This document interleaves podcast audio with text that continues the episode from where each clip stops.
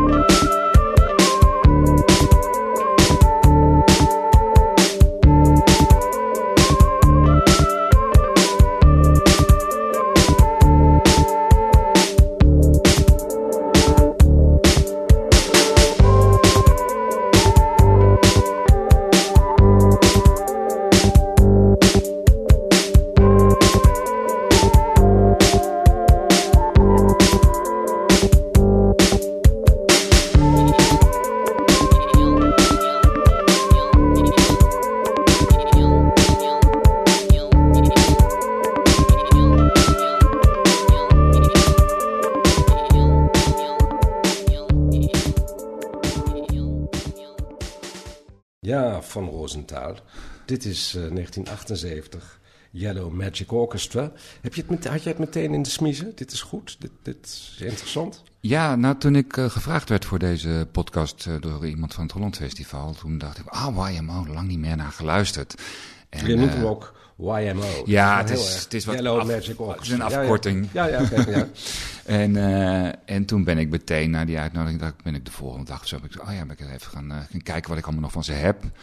Uh, op cd of gewoon in, de, in, de, in mijn laptop, uh, in mijn DJ-tas. En wat er nog ook weer, wat de, pot, de populaire uh, songs zijn op Spotify. Want Spotify doet dat natuurlijk heel erg leuk. Die hebben allemaal algoritmes. Die kijken en zetten gewoon het nummer bovenaan wat het meest geluisterd wordt. Nou, wat is, was dit in 1978? Even de tijd terugroepen. Hoe, hoe, hoe viel dit in het muzikale landschap? Um, ja, zij werden het is, waar moet ik beginnen? Ik bedoel, je, je moet, het is een Japanse band. En uh, ja, die maken, ze, ze, maken geen Japanse muziek. Ze kijken heel erg naar het buitenland. Ze zijn kunststudenten, jongens handig met uh, de apparatuur. Er was een periode, een tijdperk van dat er heel veel van dit soort apparatuur werd uitgevonden. Korg, Yamaha, zit allemaal Japans. En de, deze, uh, de TR-808 was een hele beroemde drumcomputer. Die dus ze zaten gewoon heel dicht bij de bron. Ja, ze zaten heel dicht bij de bron. En aan de andere kant, Kraftwerk in Duitsland was er al vanaf 1971 of zo.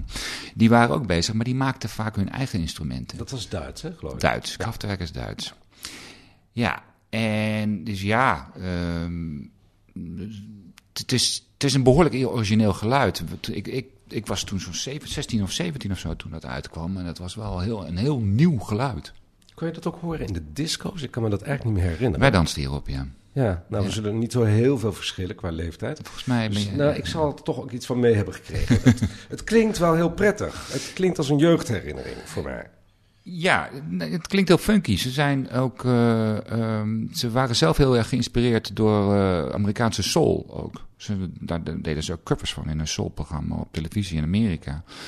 Uh, maar ook door uh, Giorgio Moroder. Uh, I Feel Love, Donna Summer. Nou ja, wat ook een ongelofelijke uh, ja, nieuwigheid was toen. Om, ik ben om... geen groot popkenner, maar die ken ik alle. Nou ja, die ken ja. je inderdaad. Ja. En dan, dat is ook ontzettend knap om dat zo te maken met elektronische instrumenten, om die zoveel body te geven. Dat was natuurlijk de grote aversie in die tijd tegen elektronische muzie muziekinstrumenten, lindrums en alles en zo. Dat klonk allemaal zo synthetisch. Ja.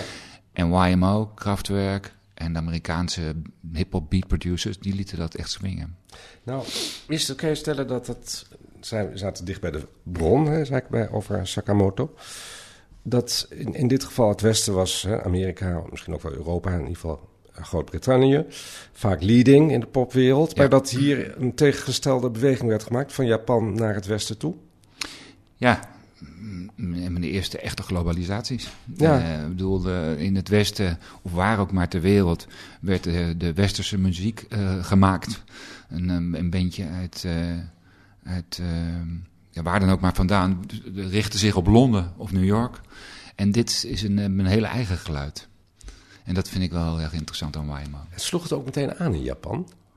In Japan hebben ze volgens mij heel goed geboerd. Ja, ja die eerste paar albums zijn echt miljoenen van verkocht.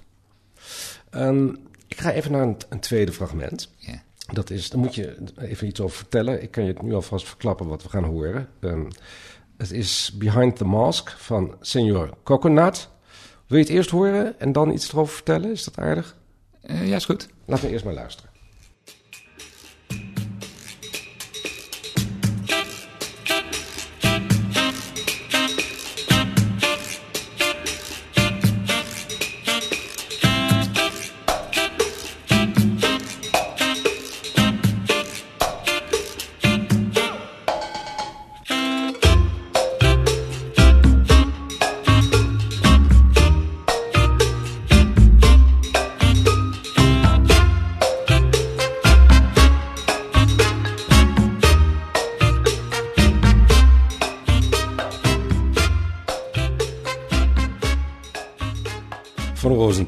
Wat hebben we hier nou gehoord? Wat was dit? Dit was uh, Coconut, Uwe Schmidt, een Duitser. Zitten we weer bij Kraftwerk. Die uh, uh, allerlei ook elektronische, muziek maakt. Ook daarin heel erg goed is. Maar ook een soort side project is begonnen rond eind, eind 90 jaar, begin 2000 of zo.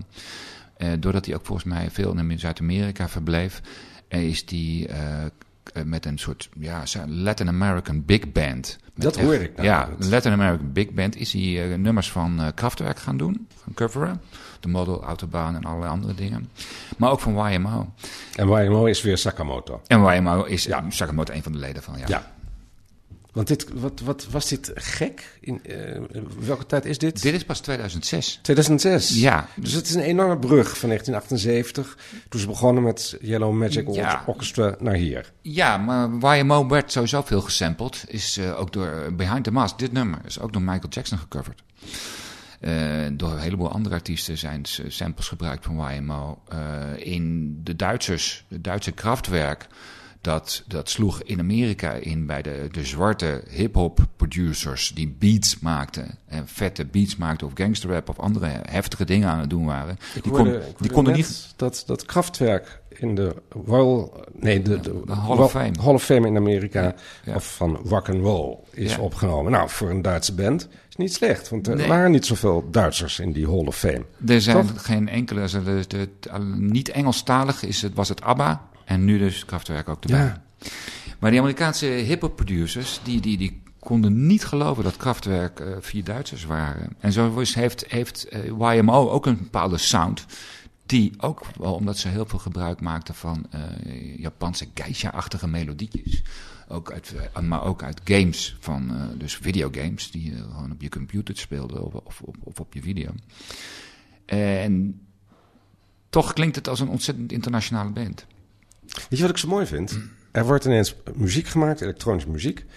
En eh, het herkent dus een andere origine dan de mensen veronderstellen. Kraftwerk, Sakamoto. Het is niet per se, ja, Kraftwerk natuurlijk wel, maar eh, Sakamoto is niet westers. Is Nee. Japans. Ja. Is oosters, is Aziatisch. Is, dat, is, dat, moet een enorme, ja, dat moet een enorme opschudding hebben gegeven in die westerse popmuziekwereld.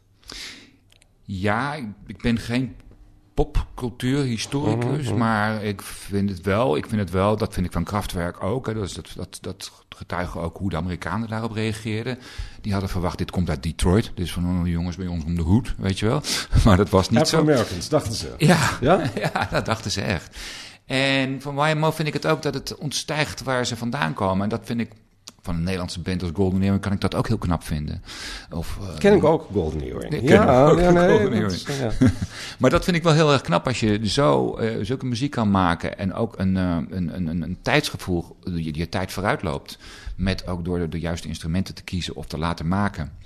Eh, want het was niet, eh, bedoel, eh, eh, veel van het succes van Yellow Magic Orchestra of van hun tools, laat ik het zo zeggen, komt er ook, kom- komt er ook op neer dat zij konden beschikken over de Roland eh, TL808 en eh, de, de, de, de eerste, eerste sequencer die een paar duizend noten heel aankomt. veel ontzettend goed klinkende, maar voor mij onbegrijpelijke Ja. woorden. Sequencer is een beetje, je kent arpeggio wel. In, eh, in de klassieke muziek dat je een Oh, bepaald zo. Ja, gewoon deuntje hebt. Vooral Italiaans, ja. barok- barokke oké. muziek Ah, kan ja, bijvoorbeeld heel complex Ah, zijn. mhm, Dat gaat dan... Nou ja, dat, daar, daar heb je, had je elektronische instrumenten voor, die dat, waarbij je dat patroon kon invoeren. En ook nog een keer kon eh, moduleren of aanpassen met, of, of, of daar dat kon triggeren of eh, kortsluiten met allerlei andere apparatuur. En dat was echt een, een beweging waardoor je dus echt, eh, nou ja, Donna Summer of Your Love kon doen of allerlei andere dance- en house muziek kon maken. En dat is daar een beetje begonnen. En zij waren, een, zij waren de eerste die daar ook live mee speelden. Met Betekent dat dat ze analoog werkten? dat was nog een beetje, ja, dat was een beetje, dat was Dit is een beetje een, een apparatuur. bluffvraag van mij hoor. Ik weet niet eens goed wat ik vraag, maar ik dacht, laat ik dit nou stellen. Werkten Nou, ze technisch- analoog? Ja, toch? Dat is Ja, toch- technisch gezien is het analoog, maar dat was het ook, dat was een overgang in die tijd van analoog naar digitaal. Ja. In, precies rond die eind, eind 70 jaren, dat het ook die, die, die, die spullen voorradig kwamen. En, ehm, en dat je dus, die instrumenten noemen wij nu nog wel analoog, maar ze hadden vaak wel een geheugenkaartje. Wat weer digitaal is natuurlijk. Dus op die manier. Maar ze, hadden, ze werkten met die microprocessor, die sequencer. Daar, eh, als je die, de stekker eruit zette, dan was je alles kwijt. Dus je moest dat ook echt wel heel goed saven. En dat duurde soms een paar uur als je één deuntje had gemaakt. Plus, dat was eigenlijk spul om mee in de studio te werken. Het waren kleine kastjes, een soort typemachientjes of dingetjes of rekenmachientjes zagen ze eruit. En uh, die werden in de studio gebruikt en die waren, die waren ook airconditioned en da daar werkte dat prima. Maar Sakamoto en uh, zijn companen hadden de brutaliteit om daar ook mee op tournee te gaan. Want het is ook een basistool, een instrument, net zoals een gitaar of drums of iets anders. Wat zij nodig hebben om hun muziek te maken. En zij namen dat gewoon op mee op tournee en speelden daar live mee. Maar dat raakte ook wel eens oververhit. Viel uit. En dat wisten ze dan ook ongeveer. Oké, nu gaat hij oververhit raken. En dan anticipeerden ze daar weer op als een live band. Om dat eventjes te resetten. En dan hoor je het even niet. Deden ze wat anders. Dus zijn wel, daar heb ik heel veel respect voor. Als muzikant ook en als DJ. Om met elektronische apparatuur te werken. Geweldig verhaal. En ik probeer ja. me ook voor te stellen. Vooral hoe er vanuit de klassieke muziekwereld uh, op gereageerd moet zijn. Er, er waren natuurlijk puristen die vonden uh, elektronica gaan we helemaal niet doen, want zijn we afhankelijk van elektriciteit. Dat moeten we helemaal niet hebben. Uh, en nou vertel je dit verhaal. Ze zijn allemaal met die, met die dingetjes op pad over verhitting. Ja.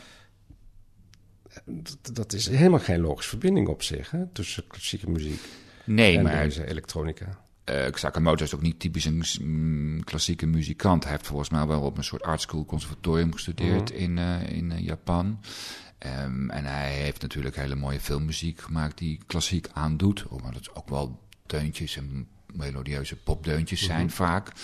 Maar hij kan het wel. En het is zeker een, een zeer begaafd muzikant en componist. Maar wat mij nou zo interesseert van Rosenthal Jij bent naar het, later naar het conservatorium gegaan in ja. de jaren tachtig. Jij had dus ook veel met die klassieke achtergrond. Je bent een DJ van klassieke muziek. Hoe wist jij meteen die koppeling te maken? Uh, met die elektronica. Destijds? Ja. Uh, veel studeren. Uh, je, je, vond het meteen fascinerend. Je hoorde ja, ik dacht... kwam op het conservatorium en dat was, we, was daar net de elektronische muziekafdeling gestart. En daar waren eerst net de eerste Atari 1040 ST's. Dat zijn computertjes waar je met Steinberg Pro allemaal dingen kon doen. Dan kon je in één keer een 24 sporen, zag je op een zwart-wit schermpje een beetje trillen. En dan kon je een heleboel dingen doen. En dat was natuurlijk echt van, wauw, wat, wat, wat kan hier allemaal mee? Ten opzichte van het analoge periode die we daarvoor hadden. En dat was wel. En de, de, kennis was daar bij het conservatorium. Er zaten ook natuurlijk dikke rijmakers uh, die ik erg bewonderde. Les. als componist, ja. Ja, ontzettend belangrijke man. Ook een die een van de eerste elektronische deuntjes heeft gemaakt in 66 al, geloof ik, op het Philips Instituut in Eindhoven. Dus, uh, maar ook uh, mensen als Stan Tempelaars of uh, John Cage was als gast, gast componist een keer. Ja. componist. Ja. Ik heb nog met hem mogen werken. Dat was echt een, hele, mooie, hele mooie maand. Dus het was ook heel erg hip om, zeg maar begin jaren tachtig, met, met deze muziek, met elektronica bezig te zijn. Het was gewoon state of the art. Ja, nou niet alleen, uh, het was hip, maar dat is het leuke altijd van techniek. Technie, technologische ontwikkeling hou je niet tegen. Uh, we rijden nu ook allemaal straks elektrische auto's. Of je dat nou leuk vindt of niet. Ik vind het vreselijk. Mm -hmm. Ik vind het economisch heel duurzaam en goed. Maar het klinkt voor geen meter. Ja, het klinkt niet. het klinkt, klinkt voor geen meter. Elektrische auto klinkt niet. Dat is ook het grote gevaar lijkt me. Nee, maar toen, in die, die tijd, kwamen er zoveel mooie instrumenten. Ook Amerikanen hoor. Oberheim en alle andere. En NPC's, alle andere apparatuur. De eerste samplers. En waar je dus gewoon ja, jouw stem of een geluid of iets wat valt kunt samplen. En daar ritmisch iets mee kan doen dat doet YMO ook. En dat, is, uh, dat was toen wel een openbaring. En uh, zij hebben dat uh, artistiek gezien en creatief gezien ongelooflijk mooi ingevuld. En zonder zichzelf te verlogen als Japanse kunststudenten. En, maar daar gewoon echt een eigen sound op gemaakt. Die ook internationaal kon aanslaan. Die een bepaalde body had. Dat vind ik wel heel knap. Je zei net al, ook een filmcomponist ja. Uh, Sakamoto. De bekendste, wat mij betreft, film uh, waar die muziek voor heeft gemaakt is Merry Christmas, Mr. Lawrence met the late David Bowie. Ja. In de hoofdrol 1983. En Sakamoto speelt zelf ook mee. Oh, hij speelt zelf ook mee. Dat ja. wist ik niet. Of dat heb ik dan. Ik heb die film wel gezien ooit. Hij heeft een hoofdrol. Maar dat was ik. Nou, het is helemaal gewist. Het is niet erg. Wil je het even overnieuw doen, dit? Nee hoor, dat gaan we gewoon zo laten staan. Want al te slim hoef ik ook niet te lijken. Um, maar ik wil wel graag nu eventjes een fragment horen van die film.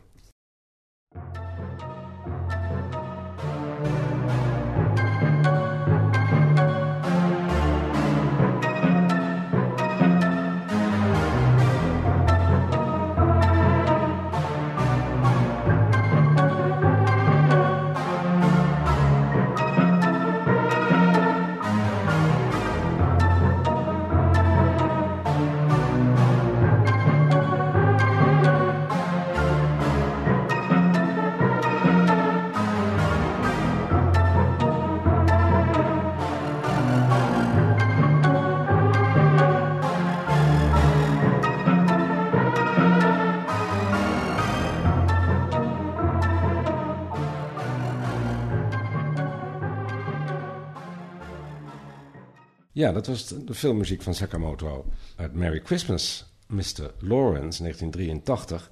Ik zal hem in 4 of 85 hebben gezien. Uh, het staat me helemaal niet voor de geest. David Bowie staat me wel voor de geest.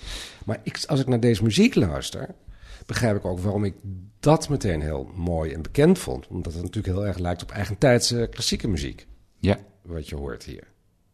Dat is voor mij al, dit is veel bekender dan die elektronica. Kun je dat voelen, ervaren?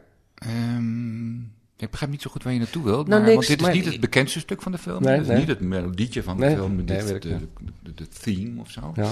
Maar ik heb dit stuk wel uitgezocht omdat ik hem... Je, je hoort hier echt een componist aan het Ja. werk. En je, ik vraag me ook af wat elektronisch is en wat echt pauken zijn. Mhm, zo, weet mhm. je wel, dat, dat, dat zal hij ook wel mee gegoocheld hebben. Maar je hoort gewoon dat hij een bepaalde spanningsboog opbouwt. Eh, compositorisch eh, zit het goed in elkaar, wat ik heel erg knap vind. Ehm, Nou ja, dat is eigenlijk precies wat ik bedoel. Dat, Dat- het veel meer een gecomponeerd stuk op is. Zo, zo klinkt het in mijn oren. Ja, nou dat vind ik zo mooi aan hem, want ook eh YMO staat ook bekend als een Sinti-popband. Er zijn een heleboel deuntjes die ze hebben, waar ze mee in Japan ook als popband heel beroemd zijn geworden. Van ja, ik draai dat nooit, Eh, ik vind er geen reet aan, als ik dat zo mag zeggen. Maar die elektronica dingen die ik net wat eerst in het begin liet horen, Pure Jam en eh, Behind the Mask of die andere tracks, dat is best wel eh, stevig en goed, goed, goed neergezet. En met Merry Christmas, Mr. Lawrence, maar ook met de, de Revenant heeft hij wat gedaan. En The Last Emperor met Bertol- ja. Bertolucci. Dat zijn, ehm, ja, heeft hij toch mooie thema's gepakt. Kijk, een filmcomponist componeert nooit de muziek van een hele film. Hij componeert een thema en dat komt vaak heel vaak terug in allerlei verschillende gedaantes. Plus, daar zitten wat spanningsbogen op. Wat, wat ik ook ontzettend interessant vind en heel erg leuk vind. Maar dat kan die. Dit klonk ontzettend goed, moet Ja. ik eerlijk zeggen. Dat is echt heel mooi. En ehm, gebruik je dat nou zelf ook als je DJ't, Ja, Sakamoto? ja zeker. En mix je het met Bach of juist met 19e eeuws eh, componisten? Of hoe werkt dat? Ja, nou ja, dit is dan een ritmische track. Een pam, pam, pam, pam, pam. Dus je kan er een loopje van maken. Eh, bijvoorbeeld, Liriet de Passage. Ik bedoel, je, je hoeft het niet altijd... Ik mix niet altijd op de beat met klassieke muziek. Want er is ook weinig beat met klassieke muziek. Tenzij je een walser gaat denken of een, een, een barok kan dat vaak wel. Of Philip Glass, of minimal-achtige dingen. Maar eh, ik probeer het te mixen afhankelijk van hoe de sfeer is waar ik draai ook wel. Maar ik neem het wel vaak mee. En kijk ik of het iets past en of het, of het bijdraagt aan de sfeer. Ik heb zelden een hele vaste DJ-tracklist die ik draai. Ik eh, kijk gewoon ook waar ik ben, wat er gaat gebeuren en hoe het publiek reageert. Dus soms zijn ze een beetje moeilijk en dan ga ik wat, wat milder draaien. Is dit iets voor moeilijk publiek of is dit voor een easygoing publiek? Nou, dit, is wel, dit klinkt ook wel een beetje spannend. Alsof Ja. er iemand achterna wordt gezeten. Ja. Of met, met, er is even wat aan de hand nu. Dus daar, dan vraag je wel even aandacht. In 1983 was die film dus, hè? Ja. Merry Christmas, Mr. Lawrence. Ik heb het even nagezocht, want de film staat overduidelijk niet in mijn geheugen.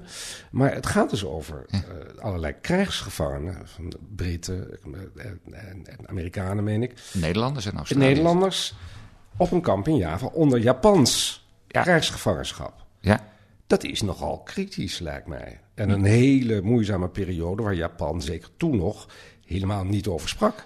Nee, en dat is ook heel knap. De, de, de- het boek is geschreven door Laurens van der Post, een Ja, Zuid-Afrikaanse ja, man, Nederlandse afkomst waarschijnlijk, die zelf die ervaring in een Jap Jappenkamp heeft meegemaakt. En, oh, wat ik het ook weer het mooiste was, want ik was het ook even kwijt, want ik heb die film ook honderd jaar geleden gezien, is dat het ging over een toch wel een verboden liefde. En eh, homoseksuele aantrekkingskracht tussen een Japanse kampkapitein en een eh, Britse David Bowie eh, gevangene. Weet je dat ik dat ook, is mij ook volledig ontschoten. dus het is wel echt leuk. Maar ga verder, het wordt alleen maar spannender. Ja, ja, ja. Nou ja, dat is, dat, daar hing heel veel spanning in de lucht. Want dat was eh, ook voor die tijd en in Azië ook. eh, in Sakamoto speelde die kampcommandant. Die dus gevoelens had voor David Bowie. Ja. En eh, in die tijd eh, ook volgens het boek en volgens de film, als je als homoseksuele gevoelens eh, had die je uitte, dan werd je gedwongen om seppuku of eh, te, te, te plegen. Ja, voor een soort, soort harikiri, denk Ja, ik. met een zwaard Ja. in je maag. Ja, harikiri is volgens mij met een zwaard, maar seppuku is ook zo'n soort Oh, ja. ritueel. Ik weet het niet precies. Ja. Ik ben ook geen Japanoloog of zo. Maar. En dus die spanning was er, was heel erg. En volgens mij is David Bowie ook op het eind is hij begraven tot zijn hoofd in het zand. Blinken, brandende zon op zijn gezicht. Was, was zijn status, of ja, zeker in die tijd, 1983, van Sakamoto, die van een rebel? Van een, een nou ja, een provo, om het maar eens op zijn Nee. Hollands te zeggen.